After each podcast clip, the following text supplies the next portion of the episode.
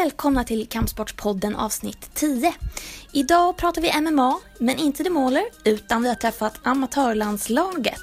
Vi har pratat med Anders Olsson, landslagstränare, Christer Engblom, förbundskapten och våra medaljhopp Irman Smajic och Anna Astvik.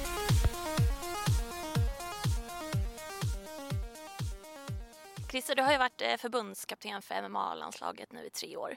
Eh, kan inte du berätta lite om din roll och hur eh, landslaget har utvecklats under dina år?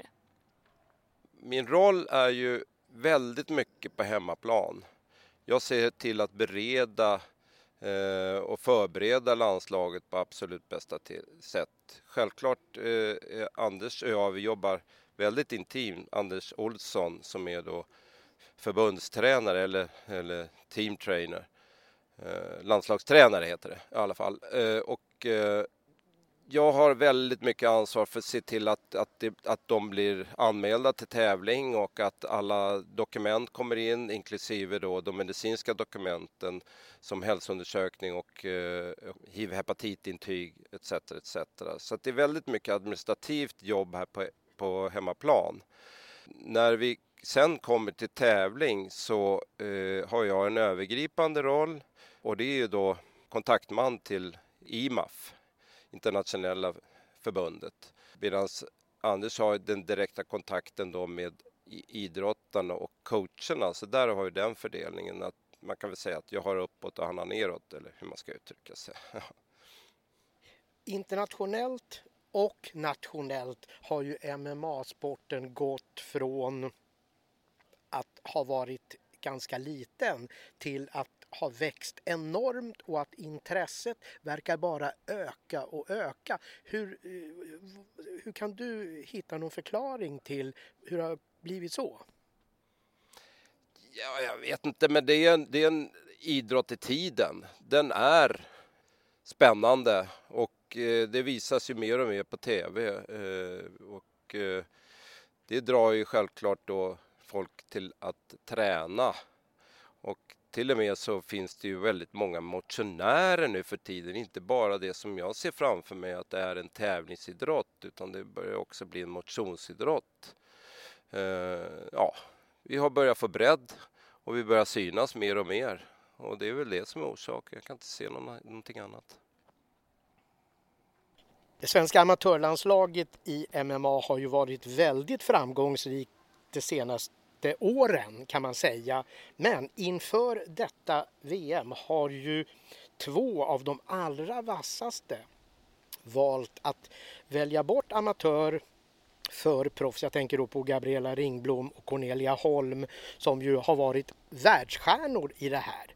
Hur vanligt tror du att det här kommer att bli att atleterna väljer att bli proffs istället för att stanna kvar som amatörer över ett VM vi kan börja egentligen med Gabriella och Cornelia. De har ju liksom, de har vunnit allt. Då behöver de en ny utmaning. Och det är det jag har sett eh, behovet hos dem under en längre tid. De kanske skulle redan gått förra året, förra hösten eh, till proffslivet. Men nu är det som det är. Nu, har de, nu är de definitivt mogna.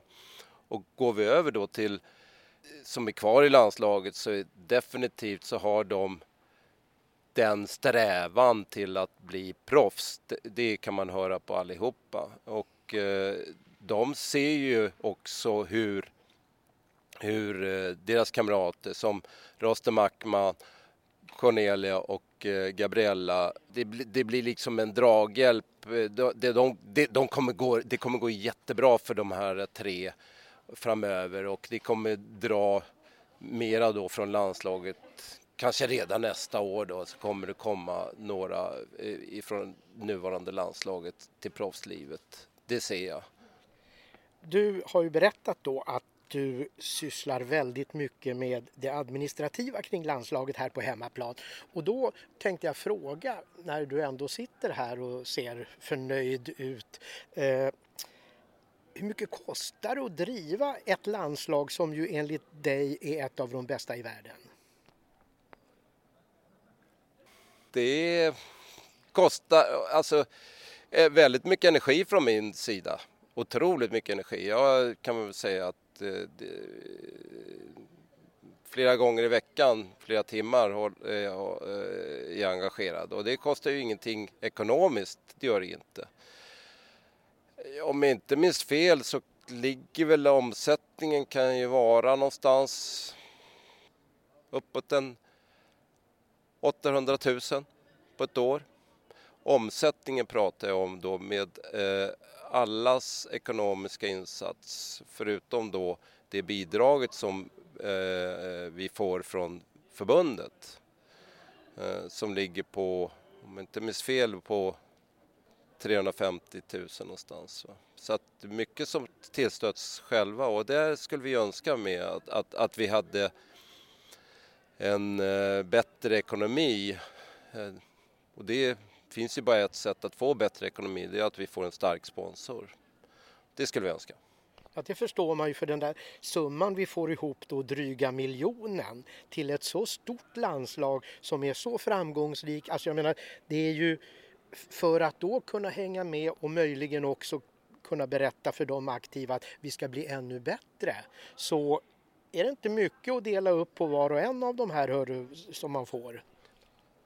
Ja, jag kan bara hålla med om det. Eh, vi skulle ju kunna göra väldigt mycket, mycket mera. Eh, till exempel åka över och känna på de här Kazakstan, kazackerna i Kazakstan. Träningsläger med dem. Det kostar ju pengar. Utan nu blir det ju då, vi har landslagssamlingar inför varje eh, internationella mästerskap och vi har de här elitträffarna då på Bosön. Men det är vad vi kan göra just nu. Eh, både ekonomiskt och resursmässigt generellt så att säga. Men det finns ju väldigt mycket, mycket mer att göra. Om ni eh, fick in en, en stor sponsor till MMA-landslaget, vad, eh, vad ser du skulle bli, vad, vad, skulle man kunna göra som man inte kan göra idag med de resurserna? Ja, jag skulle önska att vi kunde få ett flygbolag som sponsor faktiskt. Det skulle vara suveränt. För att eh, resorna är kostsamma.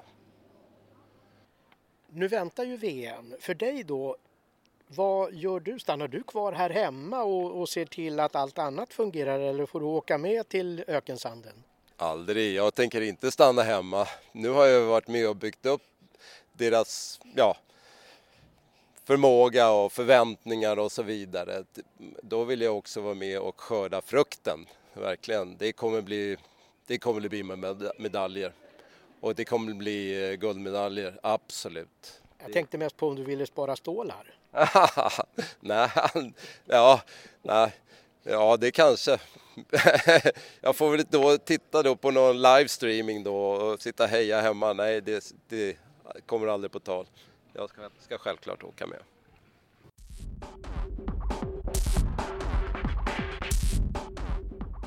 Kampsportspodden eh, befinner sig den här gången eh, ute på Bosön där MMA-landslaget har eh, fystester eh, och lite uppladdning inför VM som kommer i november i Bahrain. Och vi sitter här just nu då med Anders Olsson eh, som är en av förbundskaptenerna eh, för landslaget. Och Anders, först och främst, hur har de här två dagarna på Bosön varit för er hittills då? De har varit bra. Eh, Helena Hugosson styr upp helgen, väldigt duktig. Eh, så vi jobbade med fystester igår. Idag har vi eh, fortsatt med det och sen kommer eh, Jonathan Westin hålla lite MMA-träning här. Vi har bjudit in lite proffs den här gången också. Så det är spännande. Och ikväll kommer vi prata lite styrketräningsupplägg och periodisering och sånt där. Så det blir föreläsningar under kvällen. Vad kan man ta med sig av en sån här helg in i, en, in i ett mästerskap sen då som kommer? För det här blir väl liksom ett, så att säga, ett, ett första avstamp inför, inför VM då?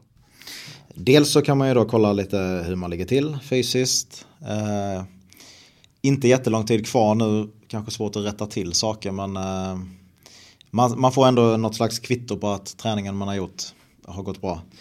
Och lite vad man kan fortsätta jobba på kanske. Och sen är det ju väldigt mycket eh, sammanhållningen. Bara träffas är viktigt inför ett mästerskap har vi jätte, jättebra sammanhållning i MMA-landslaget. Så att, eh, men, men som sagt, det är viktigt att hänga och skämta och ha kul. Ja, precis. För det, det, är ju det är någonting som jag har eh, märkt av när jag har varit med er och, och, och, bevakat mästerskap. Ni har ju verkligen byggt ett lag av alla dessa individualister. Eh, hur medveten strategi har det varit från början för både dig och Christer?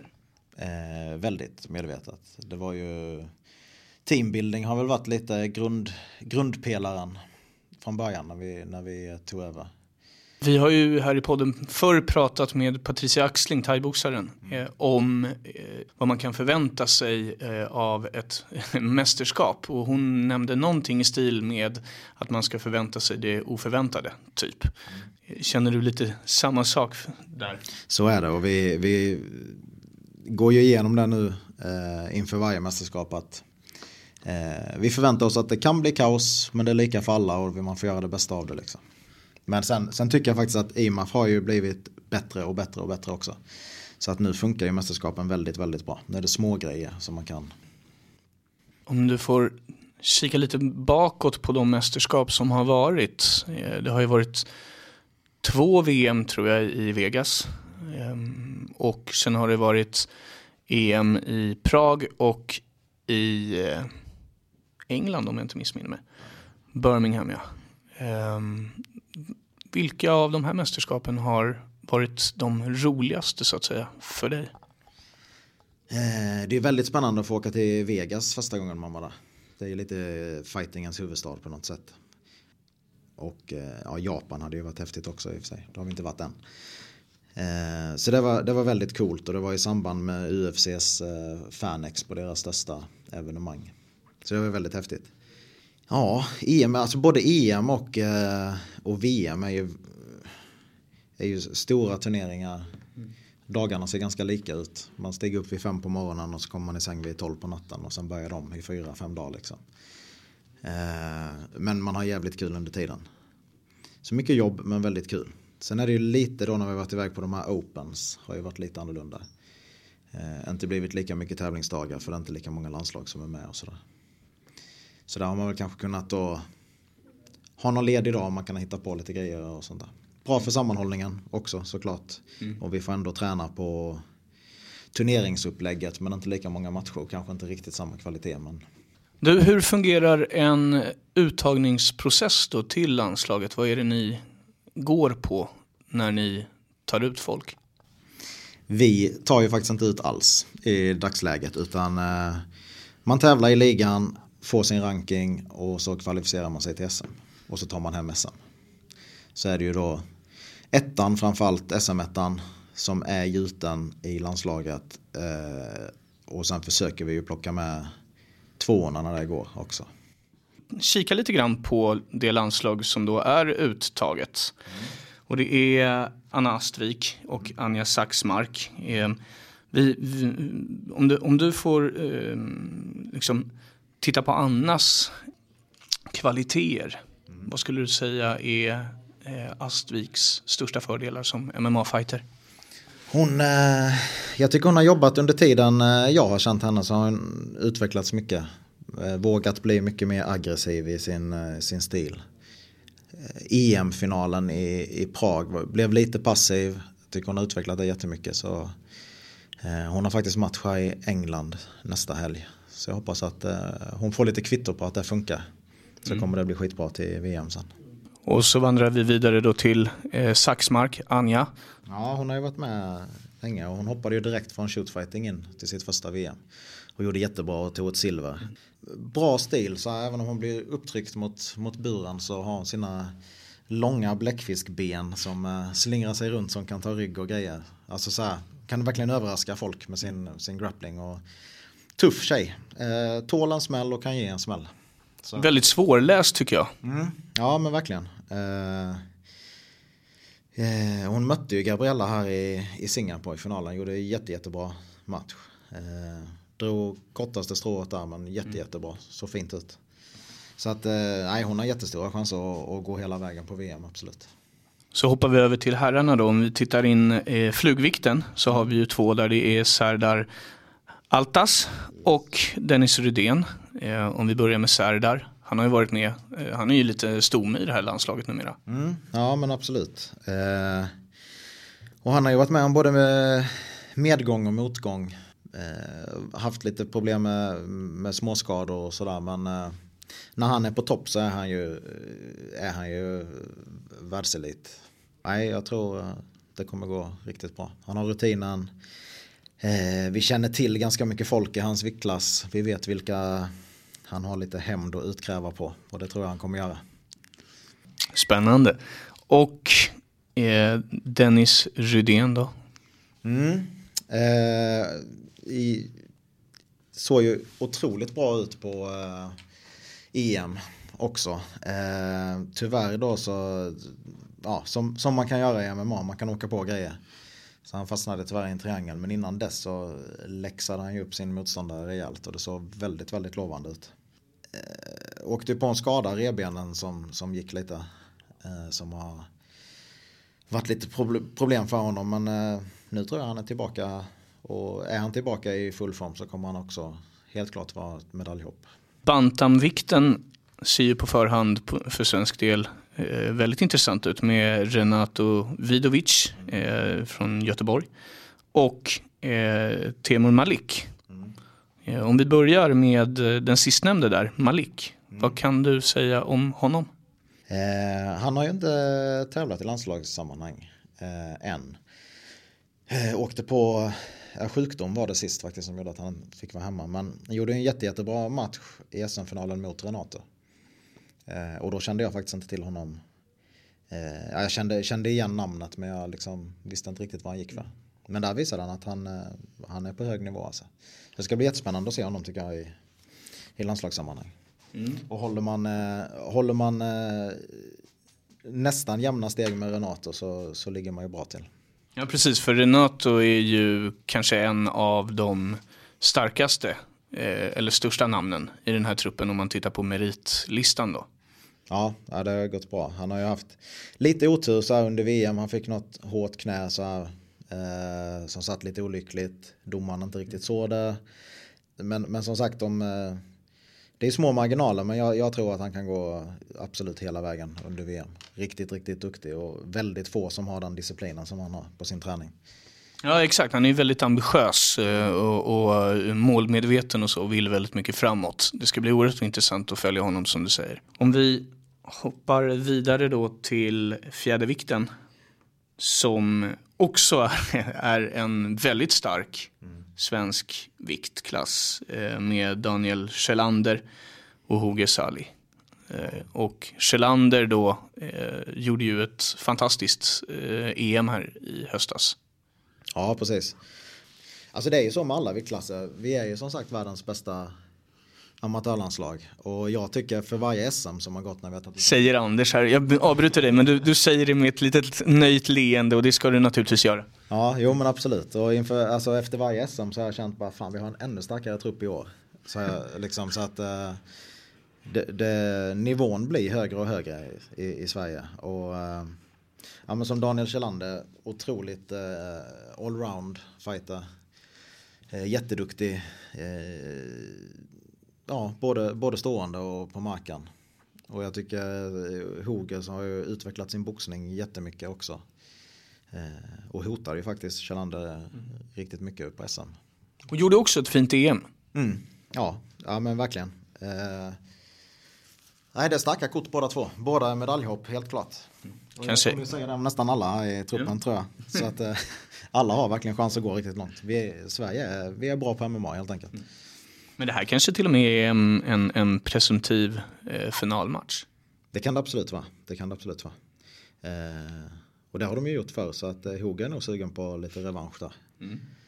Ja, det är spännande. Eh, lättvikten då? Eh, Tobias Harila. Mm. Det är ett namn till med där, eh, David eh, Schneider. Eh, om, vi, om vi börjar med David där då. Mm. Jag har ju sett honom i, i, i ligan. Tuff, tuff brottning, jobbig att möta tror jag. Eh, och även tur, han tål, eh, han tål smällar. Eh, och kan ge smällar också. Men eh, körde ju en riktigt eh, bra match mot eh, Harila. Han drog kortaste strået där i SM-semin var det men, men ändå ja, han gjorde väldigt bra. Bra match och jag tror som sagt får han till sin brottning och, och så som han vill så också sjukt jobbig att möta tror jag. Och en som är jobbig att möta är Tobias Harila. Ja, han har nog satt skräck i de flesta inom IMAF, det tror jag. Han har ju en eh, knockout-ratio på 85% ungefär med tjocka handskar och det är otroligt imponerande. Väldigt, väldigt eh, farlig med händerna men blir bättre och bättre på brottningen också. Svår att ta ner och hamnar han i topp då är det godnatt. Han slår ut alla därifrån. Men han har ändå inte riktigt fått den där fullträffen än på internationella mästerskap. Han har ju en, helt klart en av de tuffaste viktklasserna. Så, eh, eh, och det är lite så, alltså de här mittenviktklasserna vi pratar nu, 60, 65, 70, 77. Kommer man på medaljplats där så, så är man ju verkligen världselit eller blivande världselit. Det är väldigt tuffa viktklasser. Man ser ju också på de som är anmälda att där är det ju uppåt, alltså 32 anmälda. Och så ser det inte riktigt ut i de, i de andra viktklasserna kanske. Så att det är väldigt tuff viktklass. Eh, så betydligt svårare att slå sig fram men, men ändå. Han är rankad tvåa i världen. Det är en bulgar som ligger före som är, som är tuff. Det är dags för Tobbe nu. Det är dags absolut. Nu kommer det. Helt klart. Underbart, det låter härligt det. Eh, om vi vandrar vidare till vältevikten då. Eh, Oskar Karlström Biller först.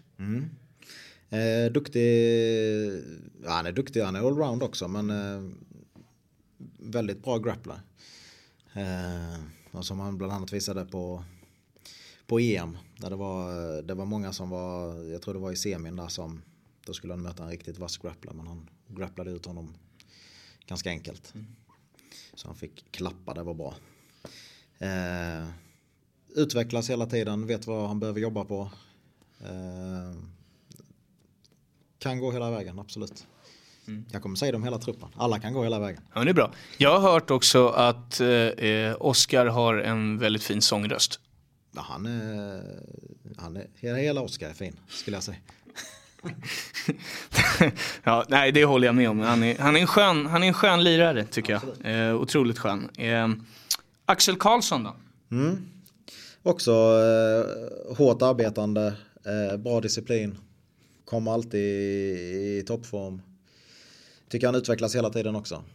Eh, boxningen bra. Eh, kan sätta, upp- sätta upp det bra så han kan få sina nedtagningar. Och, ja, jag tror han är otroligt jobbig att möta. Väldigt stark. Bra fysik. Och, och ha, ja, hela tiden klättrar liksom och blir bättre och bättre. Varit med ett tag nu också. Har ju varit tvåa eh, efter Oskar två år på här, tror jag. Och, eh, men han är, han är också där uppe. Ja.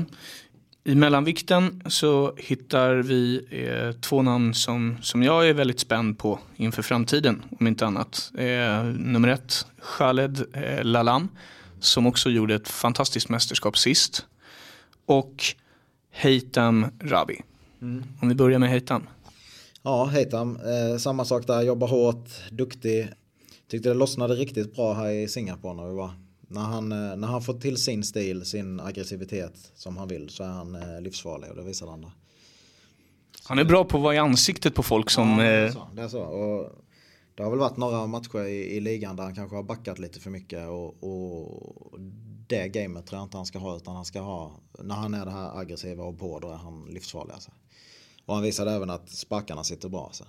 Eh, eh, Jag har hört att han har utvecklats enormt mycket bara sen, eh, sen Prag i, i höstas. Mm, ja, jag tycker det. Och som sagt, jag tycker han visade eh, ja, både när vi var i, i Bulgarien eh, och eh, framförallt nu Singapore så tyckte jag det lossnade riktigt bra. Och det var ändå det var en tuff motståndare han hade i finalen där men det den släckte han. Så det var bra. Och Khaled då? Ja, riktigt rolig att titta på. Eh, otroligt mycket action. Eh, oförutsägbar. Gör eh, oväntade grejer men eh, det funkar. Jätte, jättebra. Eh, och hade han inte, han hade skadat foten rejält i, i finalen på EM. Eh, Och jag tycker nästan att, ja, jag vet inte domslutet där alltså. Det var väldigt jämn match trots det. Utan den skadan så hade han kört över honom tror jag. Så att, eh, ja, också ett medaljhopp ska bli jättekul och spännande att se. Alltid underhållande matcher. Det håller jag med om, eh, verkligen. I den lätta tungvikten då, eh, Anton Turkalj först. Mm. Väldigt stark. Åkte ju på sin första förlust i Singapore tyvärr. Men eh, jag tror det kommer vara lärdom. Han vet vad han eh, behöver jobba på. Får han till sitt eh, stående game och kan kombinera det så, så är han. För det är väldigt få som brottar ut honom alltså. Han är väldigt stark, stabil. Mm. Totalt orädd också. Eh, eller han kanske, han kanske är nervös men han visar inte det i alla fall. Väldigt bra självförtroende. Och det ska han ha, han är duktig. Mm. En annan som har varit med förr är ju Kristoffer eh, Hillsjö. Mm. Hur ligger han till idag tycker du? Ja, bra, han är, han är ju, jag är väldigt imponerad av hans eh, sätt att få motståndaren att köra efter hans pipa i matcherna. Han lyckas eh, få tempot dit han vill, kör ganska lugn stil. Men sen exploderar han och eh, han är farlig. Han är lite lurig stil tycker jag. Eh, det är svårt att se vad som komma skall och sen helt plötsligt så, så bara sitter det någon mm. tung teknik, tycker jag. Ja men absolut, det är, han, det är lugn stil och sen exploderar det. Eh, även när han blir upptryckt mot buren så tycker jag oftast att han får bäst utdelning. Han är duktig, duktig från clinchen och ja, han, han gör det bra. Mm. Och du, eh, apropå explodera, eh, supertungviktaren eh, The Bosnian Bomber, eh, Irman Smajic då. Vad kan du säga om honom? Eh, stabil. Aha, han är stabil. Nej men han har ju, han har ju vunnit, eh, eller gått jättebra i de här mästerskapen. Han är ju, han är ju topp top dog där uppe. Eh, så vet vi faktiskt inte riktigt om vi kör tungvikt eller supertungvikt den här gången. Eh, det står och väger lite där hur vi ska göra. Eh, men eh, han, han är ju guld, guldfavorit i båda viktklasserna skulle jag säga. Så det är lite ja, vad vi tycker det är eh, mest utmaning för honom och, och där det finns kanske eh, vi har ju antingen kan han ju försvara sitt minus 120 kilos eller så kan han bli den första som tar guld i två, i två viktklasser. Va, vad är det som... vet vad vi ska välja då? Något av det. det, det är ju angenäma bekymmer kan man ju säga. Ja, precis. precis. Men du, vad är det Irman har som är, är så exceptionellt då? Eh, alltså väldigt rörlig eh, för att vara en tungviktare. Det tror jag folk blir överraskade av. Han är ju eh, väldigt stor, stor snubbe. Men eh, rör sig inte som en 128 kilos kille liksom. Utan ganska lätt på fötterna. Eh, utvecklas mycket också från, från, från mästerskap till mästerskap. Hade väl eh, när han var med första gången då var det ju, då var det ju hjärta han visade. Kanske tekniken inte var den bästa och händerna var lite långt ner men han krigade som, som fan. Eh, och sen har vi byggt på teknik på det. Så nu tror jag han är riktigt obehaglig att möta faktiskt. Mm. Ingen har lyckats ta ner honom. De försöker men de blir, de blir platta. Och då är det kört. De blir platta? Ja. ja men det är så. Han lägger, han har bra sprawl och då, då är det nästan kört alltså. De kommer inte därifrån. Du har ju, om jag inte är helt ute och cyklar nu, så har ju du också förmånen att ha honom på klubben eh, dagligen då, dagligdags. Och om man då ska titta på lite, lite eh, saker som han behöver rätta till i sitt game för att ta ännu ett kliv. Jag menar det är svårt att säga hallå han har vunnit det mesta som går att vinna men, men ändå. Vad skulle det kunna vara? Vi har som sagt vi jobbar ju på små detaljer hela tiden. Vi tyckte högerhanden var nere lite för långt när han, när han jabbade till exempel. Att han sjönk lite. Det har vi rättat till. Eh, nu sitter den som klistrad. Eh, han jobbar mycket med Johan Jorup. Eh, ett av våra eh, proffs på klubben. Eh, som är jätte, jätteduktig. På, eh, ja, han är duktig på allt men de jobbar mycket stående ihop och fått ihop det bra. Mm. Eh, jag jobbar mycket med fysbiten så vi sätter ihop. Han har ju väldigt, väldigt bra kondition för att vara eh, tungviktare. Han har gått många krig och han, han går alltid ut som den starkare i de krigen. Mm. Vi ska ju prata med Irman lite senare här i, i podden också. Men jag vill bara liksom sy ihop det här snacket med dig Anders, det är väldigt intressant. Men eh, att prata med dig, det är det alltid. Eh, du har väldigt bra och eh, eh, kloka synpunkter tycker jag. Men en grej måste jag. Ja. Det finns inga män när det är punkt där. nej, nej, nej. Det finns ett men och det är, mitt men är så här. Hur ska ni göra det här landslaget bättre? Går det? Det går tror jag. Alltså, det som är roligt med IMAF nu det är faktiskt att eh, eh, det är ju inte så att vi inte har competition. Alltså på VM kommer USA, jättestark trupp. Eh, Bulgarien, Kazakstan har kommit med. Väldigt, väldigt tuffa brottare. Eh, både Bulgarien och Kazakstan kanske ut publik, eh, om man ser ur publikens synvinkel så ganska tråkig stil kanske. De kör en double leg och de sätter upp det bra med slag men double leg sen blir man fasthållen liksom. Eh, så där tror jag man kan jobba mycket på, man behöver sabba det gamet liksom. Och man behöver kunna scrambla upp. Utmärkt, tack snälla du. Ja då, tack själv.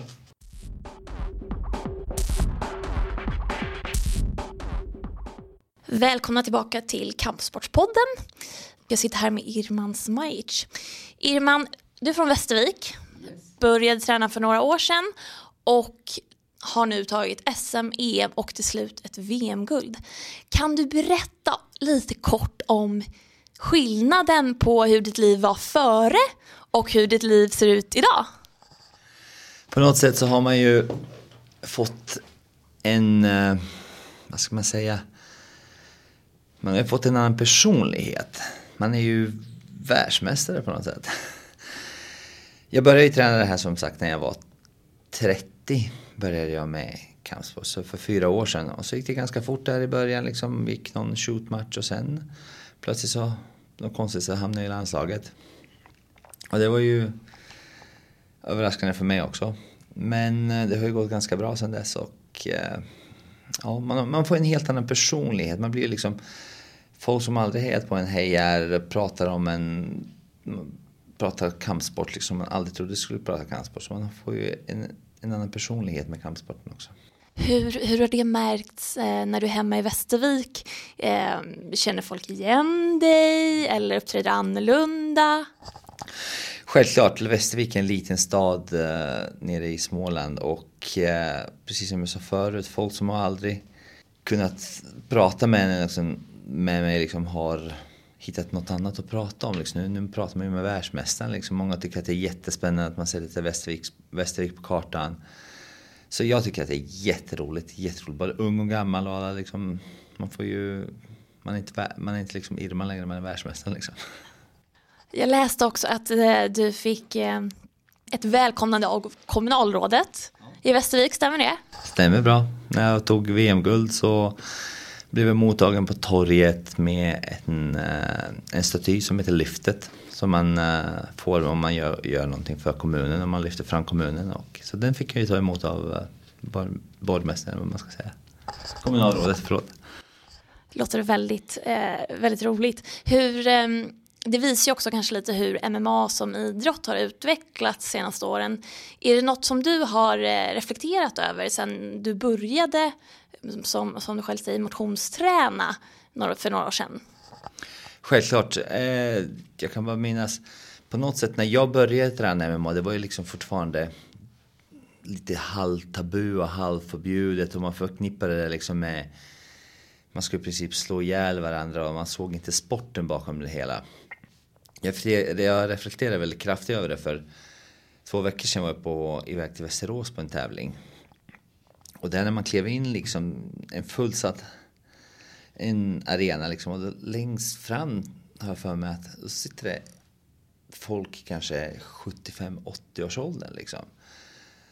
Och då var det så här väldigt alltså bara, när man tänker hur det såg ut för fem, för tio år sedan, för 20 år sedan liksom, när, när det var totalt förbjudet. Man hade något videokassettband man hörde talas om liksom, som var till att liksom folk som är liksom 80 år gamla liksom, sitter sig och kollar på MMA på en tävling. Liksom. Och det var inte bara liksom för att barnbarnen de har något för kniv utan de satt verkligen från början till slut liksom, och hejar och, och det fulla liksom salar. Så, det, det, är helt underbart. Alltså. Det är en, kropps, en eh, sport som är här för att stanna. Definitivt. Definitivt, det tror jag med. Hur... Eh, det har ju gått väldigt snabbt som du, som du själv berättade. Vad var det i MMA som idrott som, som du fastnade för? Som gjorde att du, vad jag kan förstå, ökade träningsmängden väldigt snabbt på kort tid? Det var ju så här att eh, jag körde i lagsporter innan. Och på något sätt, det som lockade mig mest med MMA var ju både träningen och eh, att det är ganska individuellt. Jag ville prova på en individuell sport. Eh, hade lite svårt för att kanske ställa mig nere på gymmet och springa på ett löpband. Vilket jag fortfarande har svårt för ibland. Men eh, det var ju det här verkligen att sköter man inte sin träning, sköter du inte din alltihop runt omkring så har du bara dig själv att skylla liksom. För när det väl gäller i slutändan så är det bara jag, motståndaren och domaren i ringen liksom. Så att, det är väl det som lockar liksom. Man kan inte fuska. Man kan inte förlita sig att en bra målvakt räddar straffen eller att det finns en bra back som stoppar av ett anfall. Utan här är det sig själv man kan skylla, ingen annan. Det är bara upp till en själv. Bara upp till en själv och ingen. Man kan inte förlita sig på någon annan utan det man presterar det får man stå för själv. Jag har ju läst, eh, läst på lite om det här innan. det, det jag inte visste redan. Eh, men vad jag förstår så åker du ganska långt för dina träningspass. Från Västervik till Linköping, stämmer det? Yes, jag åker 12 mil enkel väg. 12 mil enkel väg. Hur lång tid tar det? En, det beror på hur mycket man gasar men eh, lagligt tar det en, minut, en timme och 20 minuter ungefär. Eh, vad är det på, på din hemmaklubb som gör att du eh, åker de här timmarna i transportsträckor? Ja, nu, det är många timmar har det blivit på tre år. Det, det är nämligen så att när jag började alltihop så fick jag hör, höra talas om eh, transportcentret i Linköping och eh, det var faktiskt via en god vän uppe i Umeå, Kristoffer Kronwall Krång, som rekommenderade att jag skulle testa. Och på den vägen blev det liksom, och jag har varit så väl mottagen liksom av, av alla där på något sätt. Av Anders, av Johan, då var Johan proffs. Eh, det blev verkligen ett välkomnande liksom. Trots att kanske hade alldeles för många kilo så vart man ganska väl mottagen och alltid liksom de anpassade sina träningar lite grann efter mig redan i början ganska tidigt för att jag skulle kanske kunna komma och vara med och allt upp. Så att på det, det är det som har gjort att man har åkt gärna de här 25 mil nästan varje, varje gång liksom. Så att eh, det är väl framförallt personerna som är där stämningen och att de har lyft fram det här inom De har kanske sett väldigt tidigt, de har trott på mig och det är det som gjort att man gärna varit kvar där. Eh, och hur var eh, känslan när du blev uttagen i landslaget första gången? Konstig.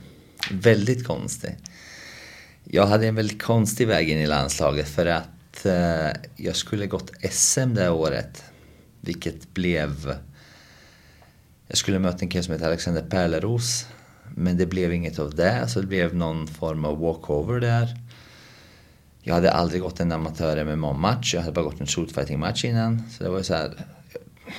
Och så en sen kväll när jag var på väg upp mot fjällen med barnen.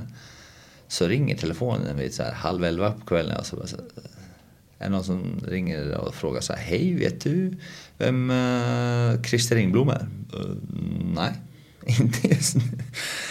Och sen berättade han att han var ringde från svenska landslaget, då var det lite annat.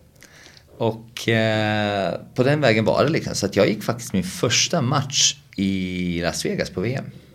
Min första amatör-MMA-match gick jag i Las Vegas. Det var ju en konstig väg in i det hela.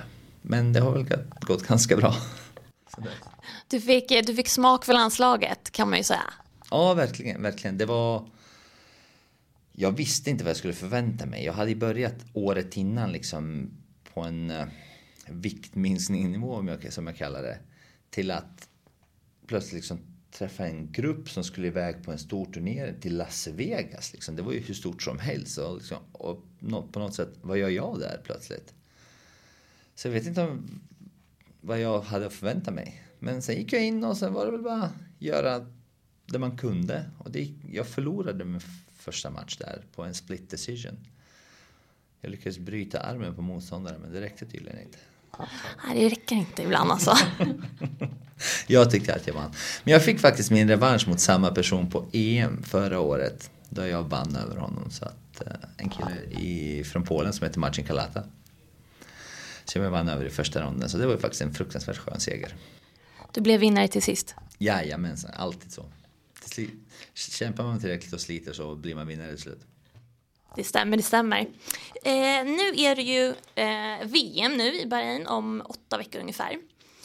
Eh, om du tittar tillbaks på din egen utveckling senaste tiden, vad skulle du lyfta fram som eh, något som har varit, eh, som för dig själv är ty en tydlig utveckling? För mig har det varit så här att jag har gjort många saker. Jag har testat mig mycket fram. Jag har provat mig fram saker. För jag har inte vetat egentligen vad mina starka sidor är. Och många gånger har det varit så att man har gjort saker bara för att man har lärt sig, men man vet kanske inte varför och i vilka lägen. Så jag känner att jag har tajtat till mig på den fronten. Jag vet vad jag ska göra och framförallt när. Och hålla mig till en bra gameplan vara ganska kylig i det jag gör och sen göra det jag är bäst på. Jag börjar få ihop mitt game på ett annat sätt. Jag förstår mer, jag förstår mer fightingen än vad jag gjorde förr. Förr var det kanske lite mer att man såg det kanske, ja, den som får in det bästa slaget först och sådana här saker. Man var kanske mer nervös. Nu känner man kanske att man har mer koll på det hela. Man vet liksom... Man, man, skö, man, man för matchen bättre än vad man gjorde förut. Förr var man med, nu är det man själv som för och leder. Det låter som en väldigt bra utveckling tycker jag. Ja, det, det, det är mycket tack vare Johan och Anders i Linköping som det har funkat bra så. Nu är det då VM. Eh, om du får välja någon i världen du skulle vilja möta, vem skulle det vara? Oj! Om jag fick välja någon i hela världen jag skulle vilja möta? Ja, jag, jag måste väl ta Stipe Miocic ja. Eller eh, en Krukop i hans tidiga dagar. Men Stipe Miocic får vi säga. Vad skulle du göra för att vinna den matchen? Allt. jag vet inte. Eh, studerat honom lite grann och kollat. Jag tycker jag är väldigt fascinerad över honom. Jag tycker han är riktigt bra. Vad är det som gör honom riktigt bra enligt dig? Det är inte en kille som har en naturlig talang som han har verkligen kämpat sig till. Han, han har liksom förlorat, han har vunnit och han har kämpat sig tillbaka många gånger. Han har blivit knockad och han har liksom... Men ändå i slutändan så har han vunnit. Det är lite grann som, som jag liksom. Man kämpar, man hittar vad man är dålig på, man förbättrar det. Och sen vinner man till slut. Lite så. jag, jag gillar honom med hans stil. Mm. Du berättade, eller du nämnde dina barn här lite tidigare. Och eh, du har ju ett väldigt speciellt tandskydd som är designat av dina döttrar tror jag. Ja. Eh, det är rosa för de som inte har sett det och eh, jag tror att det är en liten svensk flagga mitt i. Det är, den är rosa och eh, på ena sidan står det Selma och på andra sidan står det Alma och mitt i står svenska flaggan. Med ja, det klassiska från svenska landslaget så är den emblemet mitt i. Hur kom den idén upp? Ja, jag vet faktiskt inte. Jag jobbar ju med tänder i vanliga fall. Och eh, jag är tandhygienist. Och på något sätt så har, var vi i England på någon, i, i Birmingham för mig. Och då träffade jag några killar från, som jobbar med sån här som heter, ett företag som heter Safe Jaws tror jag. Och så pratade jag lite med dem och skissade fram och tillbaka och så sa men jag skulle kanske kunna göra ett tandskydd som är lite annorlunda. Ja, och många har ju det här förutfattade meningar om stora killar. Det ska, liksom, det ska vara svart och mörkt och dödskallar liksom. och det ska vara liksom... Men så sa han så här, ja men hur ska det vara utformat då liksom? Och då sa men jag skulle vilja ha ett rosa. Han, han bara, eh, ja men på riktigt. Ja, jag skulle vilja ha ett rosa. Ett riktigt så bright. Och han bara, okej, jaha var så lite förvånad. Vad ska det stå där? Så sa jag vad det skulle stå på den. Jaha. Och i mitt i ska jag säga att svenska flaggan och han bara, det här måste jag bara göra. Det är liksom, och så, han ville gärna också ha bilder så han, han är jäkligt stolt om att jag har det. Ja det är väldigt fint måste jag säga, väldigt ja, fint. Jag är väldigt stolt över det. Eh, apropå dina barn, hur, eh, hur involverade är de i din satsning? Hur, hur ser de på att pappa går upp i en bur? Jag har två, två döttrar då, en som heter Selma och en som heter Alma. Och de är ju väldigt, väldigt olika. Den stora tjejen som är uh, sju år då, hon är ju väldigt, väldigt uh, anti-fighting kan man säga. Hon, hon tycker att det är roligt det pappa håller på med. Det, det är spännande. Hon kan till och med säga till andra barn att min pappa är starkare än din. Det är faktiskt, och hon kan ju faktiskt säga det. För det är bevisat. Men eh, det är inte sådär, hon tycker att handskar kanske kan lukta lite konstigt och benskydd. Nej, hon vill gärna inte bli svettig liksom. Så att det, det är lite så halvkänt. Hon gillar dans och piano, piano och balett. Och... Medan jag har en annan dotter som heter Alma som är allt Selma inte är. Så hon kommer definitivt bli en MMA-fighter. Jag hinner knappt lägga ner väskan hemma innan liksom hon sliter fram handskarna och ska på med handskar. Det ska boxas och, och det enda hon pratar om liksom att uh, karatesparkar som hon har gjort och jag har aldrig nämnt karate för henne men eh, hon kör karate med allt och alla och det snurras och slåss och allt. Så hon kommer definitivt vara den som för fanan vidare tror jag. En till generation Smajic? Definitivt, definitivt. Så som det ser ut nu, vilket kan ändras väldigt mycket, så är det definitivt Alma som kommer vara den som är i landslaget om några år. Det låter spännande, ser vi fram emot att, att följa.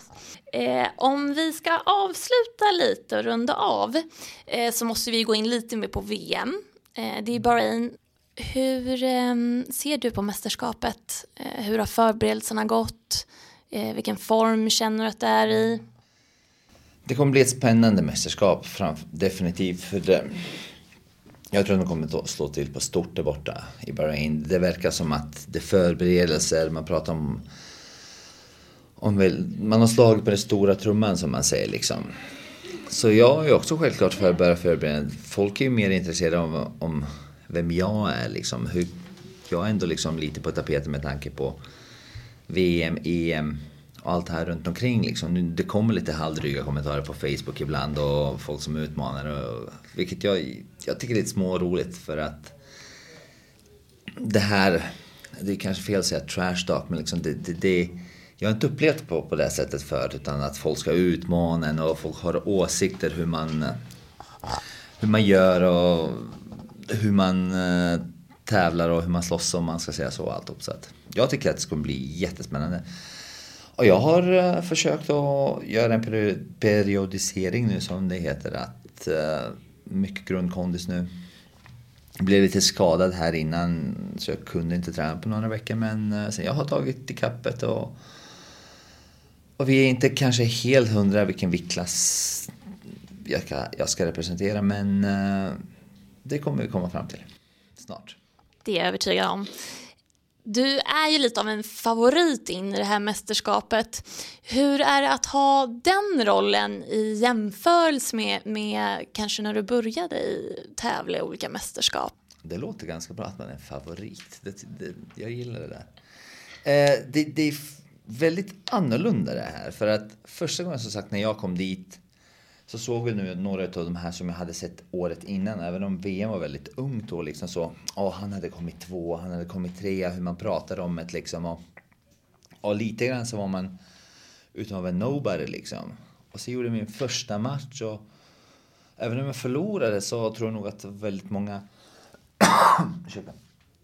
såg den matchen och på något sätt började liksom prata med en och hade sina åsikter och om man hade vunnit eller förlorat eller sådana saker. Till att tre år senare liksom komma tillbaka till ett mästerskap som jag gjorde nu till exempel i Singapore som liksom att jag hade ett VM-guld och ett EM-guld och, och är högst rankad faktiskt i världen så det är jäkligt roligt. Det, det, det, är liksom, det är ett bevis att man har varit med ett tag, man har vunnit, man har, man har placerat sig bra. Jag har varit med på sex tävlingar internationella. Jag har tre guld och två silver liksom. Så det, det är ändå ganska hyfsat liksom. Verkligen. så folk är så här, folk vet vem man är. Eh, de kallar en för champ liksom. Och det, det, det, det är bara jag ryser nästan varje gång. Liksom, så här, oh, hi champ. Man bara, uh, oh, men jag? Ja, ja, tjena, tjena, tjena hej. Liksom, så man, Sen är man lite så här halvblyg svensk liksom som man bara, nej men inte ska väl jag inte. Men, och så kommer man ut lite utomlands och så ser hur de andra liksom tycker att, att man ska agera, hur man ska bete sig det är jäkligt roligt. Det, det, det är jäkligt roligt och det, det ger en motivation att bara, det sporrar en ännu mer för att man vet att då kommer, kanske man har gjort något rätt ändå. Man, man gör rätt, man tränar kanske rätt. Man, det är värt att åka de här 25 milen varje gång. De sporrar en att man ska ta dem och nu är det liksom jag tänker inte på att jag sätter mig i bilen och åker de här utan det, det är bara det är så där. Jag åker dem och då, det, det är min träning. Det, det, det, det är liksom. Och barnen är med ibland och, och sambon och Ibland är de inte med, de tycker att det är lite tråkigt men då får det bli lekhuset och sådana saker i Linköping. Vad har du själv eh, för förväntningar på eh, stundande VM? Ja, jag brukar säga att jag, jag siktar på en pallplats alltid. Eh, så jag får väl hålla mig till det. Jag vill gärna ha en, en medalj med mig hem. Blir det den finaste valören så ingen gladare jag. Får vi höra kanske ett skrik till men eh, jag, jag försöker sikta på en pallplats i alla fall. Det, det är tufft och folk blir ju bättre och bättre och även på på den här nivån liksom så är det liksom, folk har ju varit med ett tag. De flesta som är med nu, de har ju varit med tidigare. De, jag har ändå gått 14, 15, kanske 16 matcher nu liksom. Det finns videon, folk studerar den liksom. Vi kollade faktiskt på senaste matchen när jag gick i Asien. Då var det liksom jag hade en kompis som översatte vad de, hur de coachade sin motstånd, min motståndare, liksom, hur de coachade sin gubbe. Och det var ju väldigt mycket liksom, kom ihåg vad vi har tittat på, kom ihåg hur han gör det. Liksom, så att det bara visar att det här blir ju, det är en större och större sport liksom. Det finns video, det finns folk som liksom spanar på en och alltihop. Så det, ja, det ska bli jäkla kul. Men det blir nog en medalj till hoppas jag. Det hoppas vi verkligen. Eh, hur ser du på konkurrensen? Är det, är det någon eh, eller några Eh, du har spanat in lite extra? Nej, inte, inte särskilt mycket utan det är så svårt. Det, det blir ju 15-20 killar kanske att koncentrera sig på. Det går inte. Vissa är ju brottare och vissa är ju bra på olika saker. Några, är ny, några får en nya liksom så att man vet aldrig vad man får. Och vem man blir lottad mot. Så att, att gå och spänna sig innan eller förbereda sig att man ska... Man vet aldrig. Det är inte ens liksom färdigt vilka som ska vara med. Så att jag åker dit, tränar på det jag är bra på, tränar på mitt game och sen får vi, får vi se vad de ställer mig mot. Jag tar det som det kommer. Den dagen, den sorgen för dem. Det låter bra det. Irman, vi får tacka dig för att du kom hit till Kampsportspodden eh, och ett stort lycka till i november. Tack så jättemycket, underbart att vara här.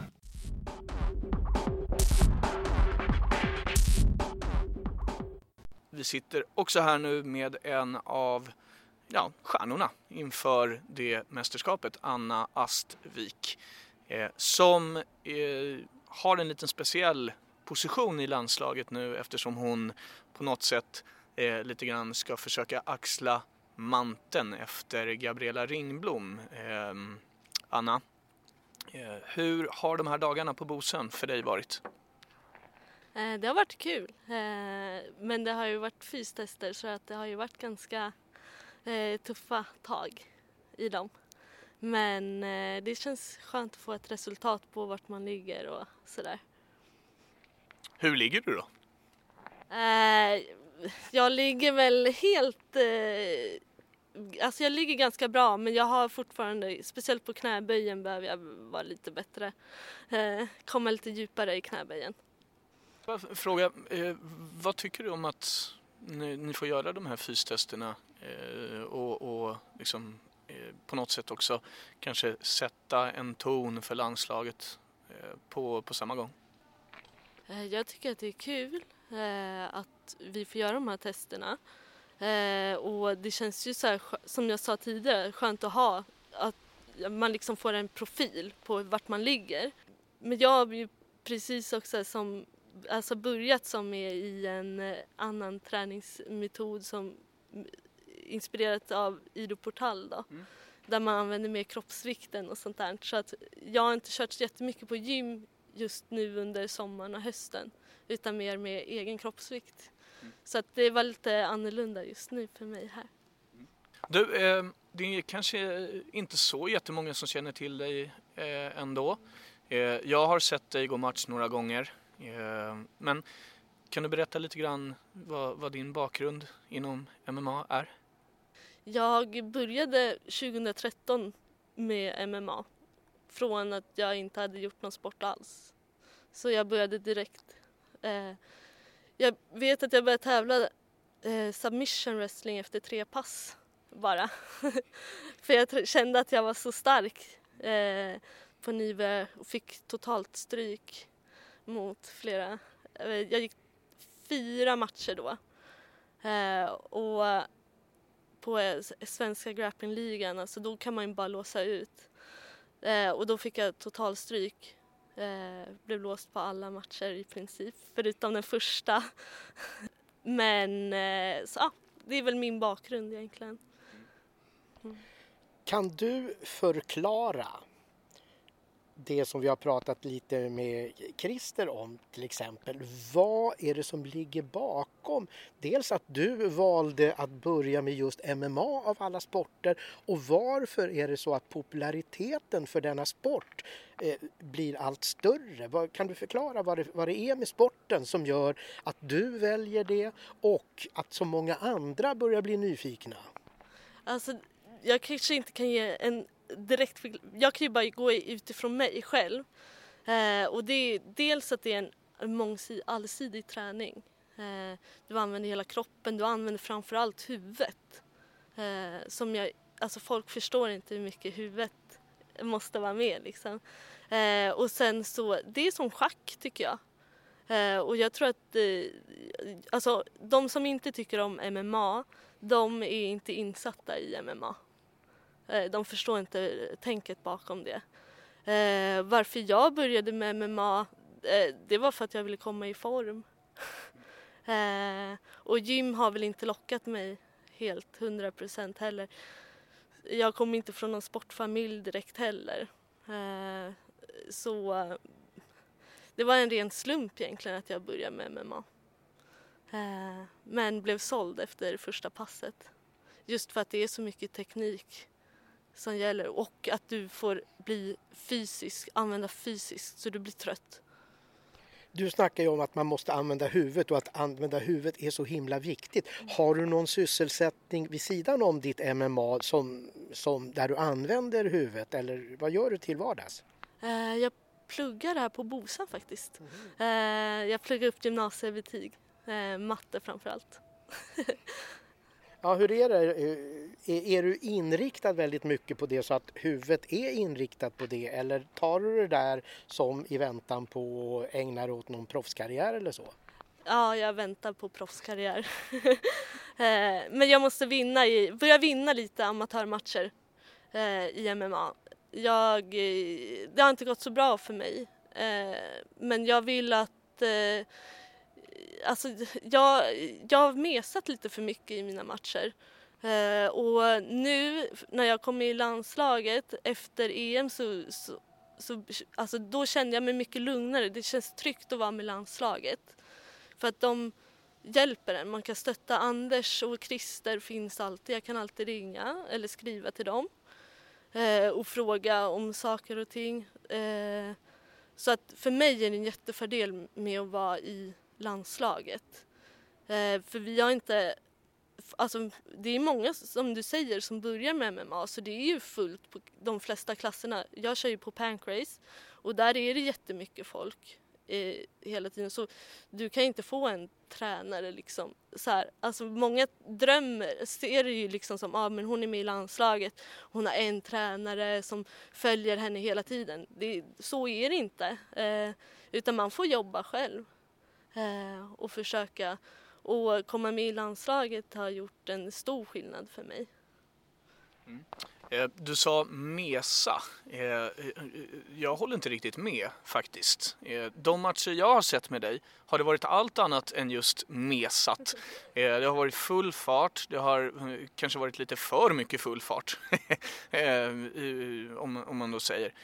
Jag minns en match du gick mot Camilla Rivarola Eh, Eh, och det var ju en av de absolut mest pulserande matcher eh, som eh, jag såg det året kanske överhuvudtaget. Så jag håller inte riktigt med dig själv där, men jag förstår kanske också vad du menar för att eh, det har ju också känts som att du kanske har väntat på den här riktiga fullträffen och hitta rätt i ditt game och sådana saker. Eh, du säger att landslaget hjälpt dig. Eh, det här VMet som kommer, eh, vad har du för, för personliga målsättningar med det? Eh, knock. Nej, det är faktiskt. Jag har, gått, jag har tränat med Anders i sommar eh, i Linköping på Kampsportcentret eh, och vi har gjort en strategi för att fokusera, liksom att gå in lite mer aggressiv.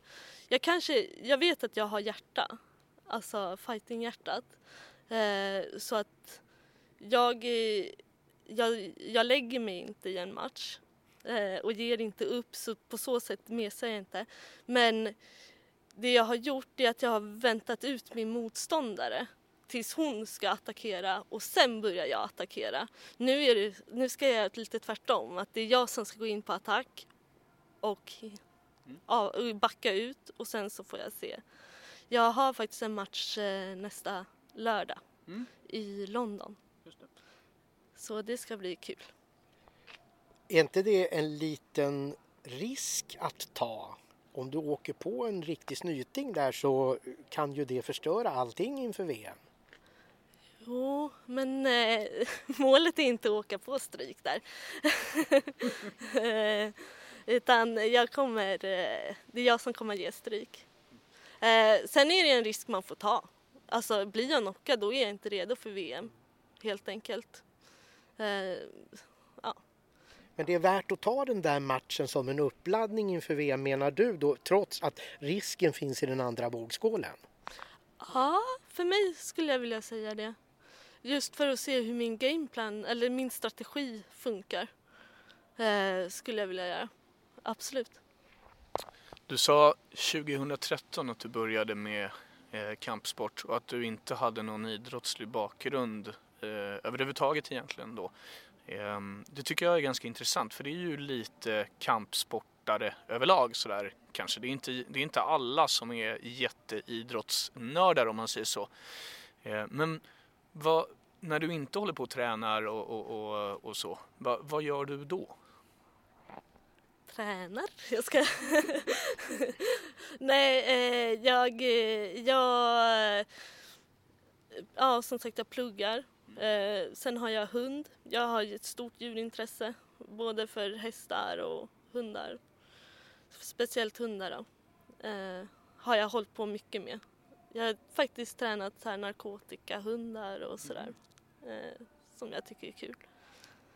På vägen hit nerifrån vägen där så står det ju en svart och vit häst med en mindre svart och vit häst bredvid sig. Vad är det för kuser har du som kan om hästar? Den lilla, det är en shetlandsponny såklart. Och jag tror att den andra är en freezer. Den här svartfläcka. Ja. Du hör, hon kan om hästar.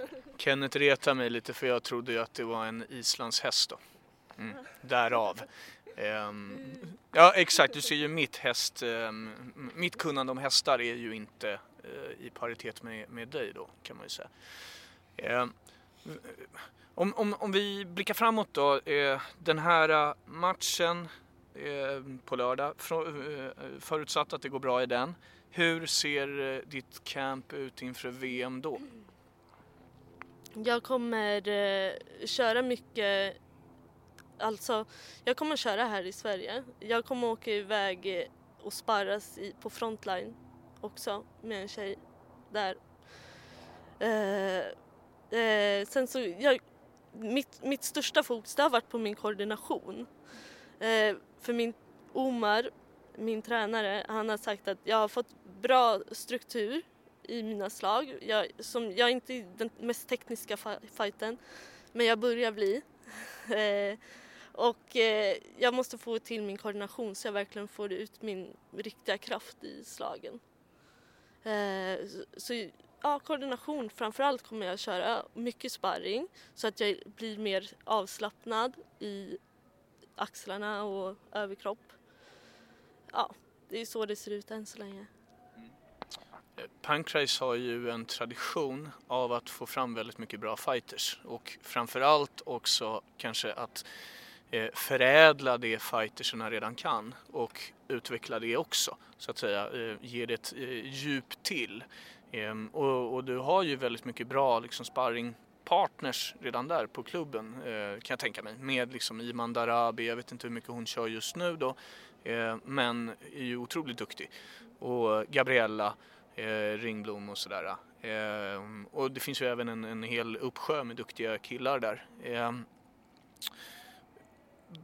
vad, vad, vad, kan du ta med dig från klubbnivån så att säga och den träningen där in i mästerskapet sen tror du?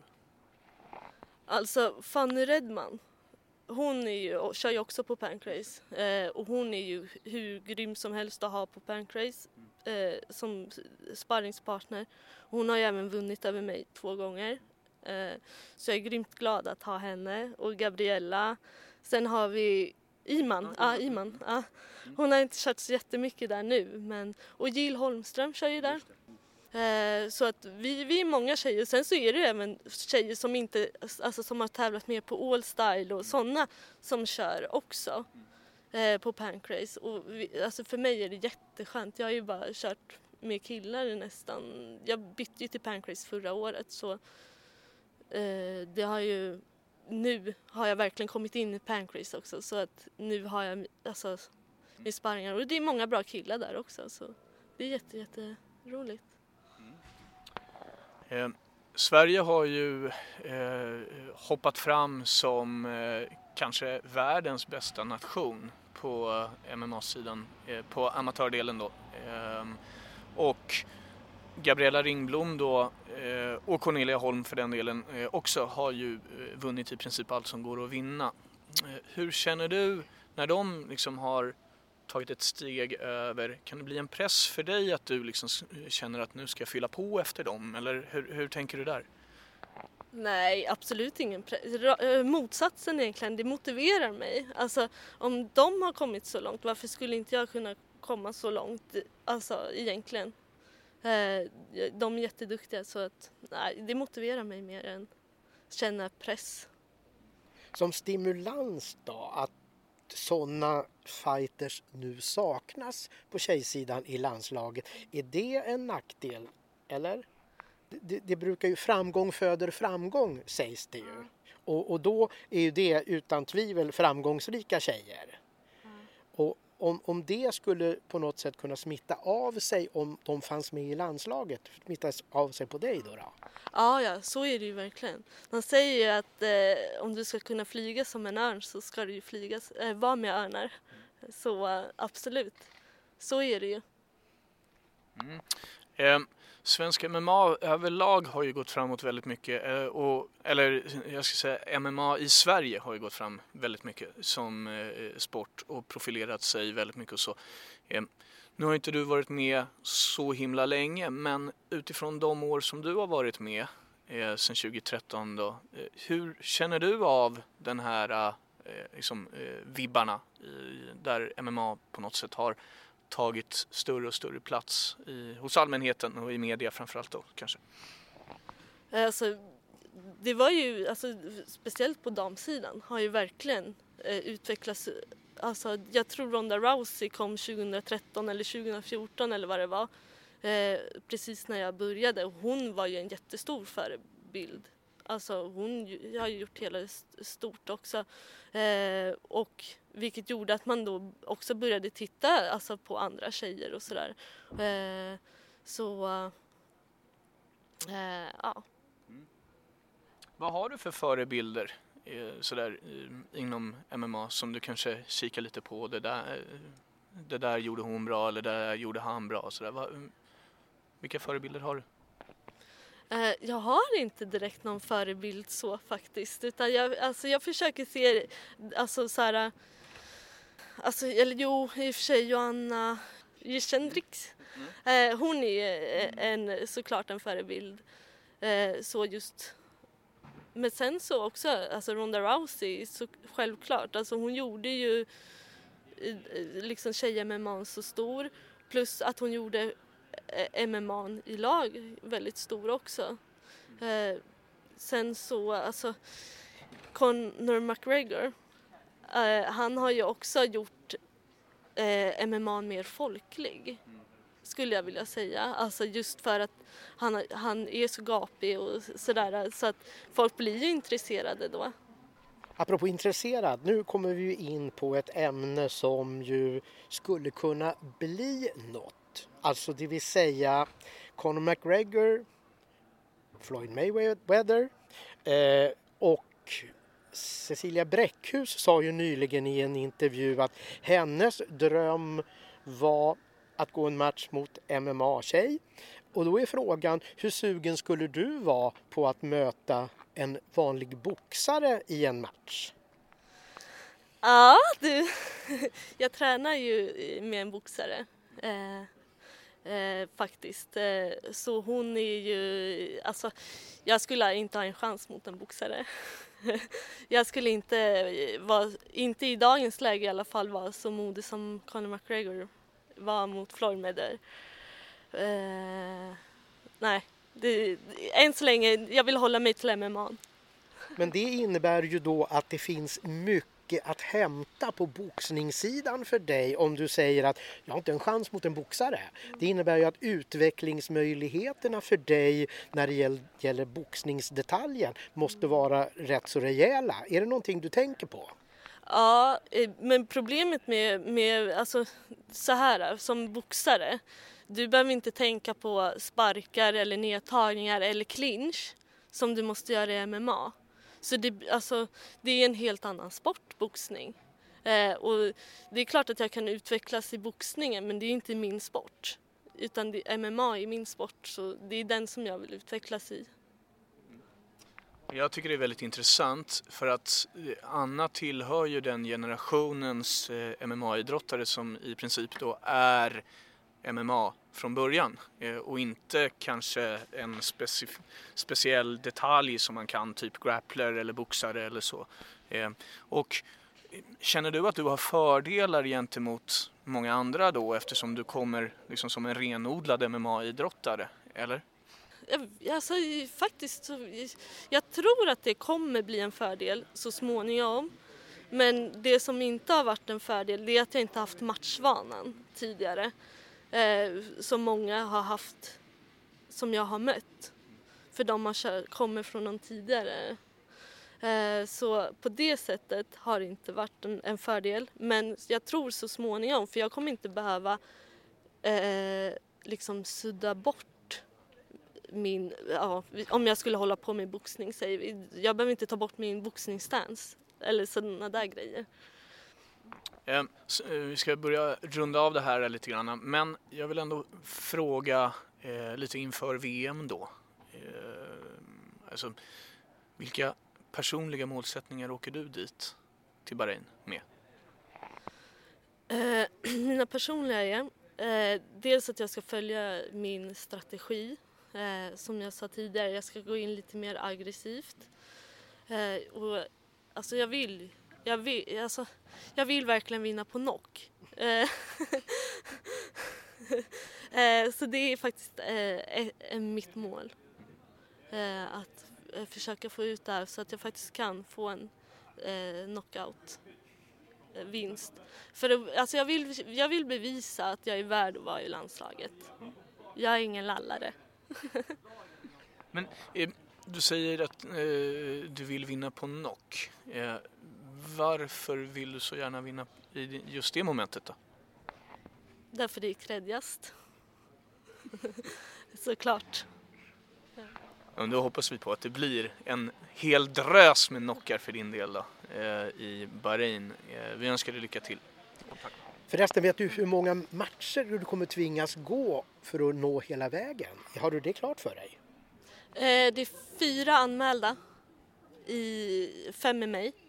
Så det beror på lottningen. Antingen så blir det två, ja det blir två matcher va?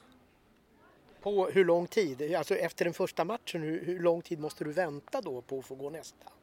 Jag tror att det är dagen efter. Eh, fast jag tror att det är vila, alltså själva turneringen börjar ju på måndagen Och sen så tror jag att det, finalen är på lördagen och på fredagen är det ingen match alls, som jag har förstått det rätt. Med detta tackar vi Anna Astvik och Kampsportspodden är slut för denna gång. Men vi hörs igen om två veckor. Hej hej!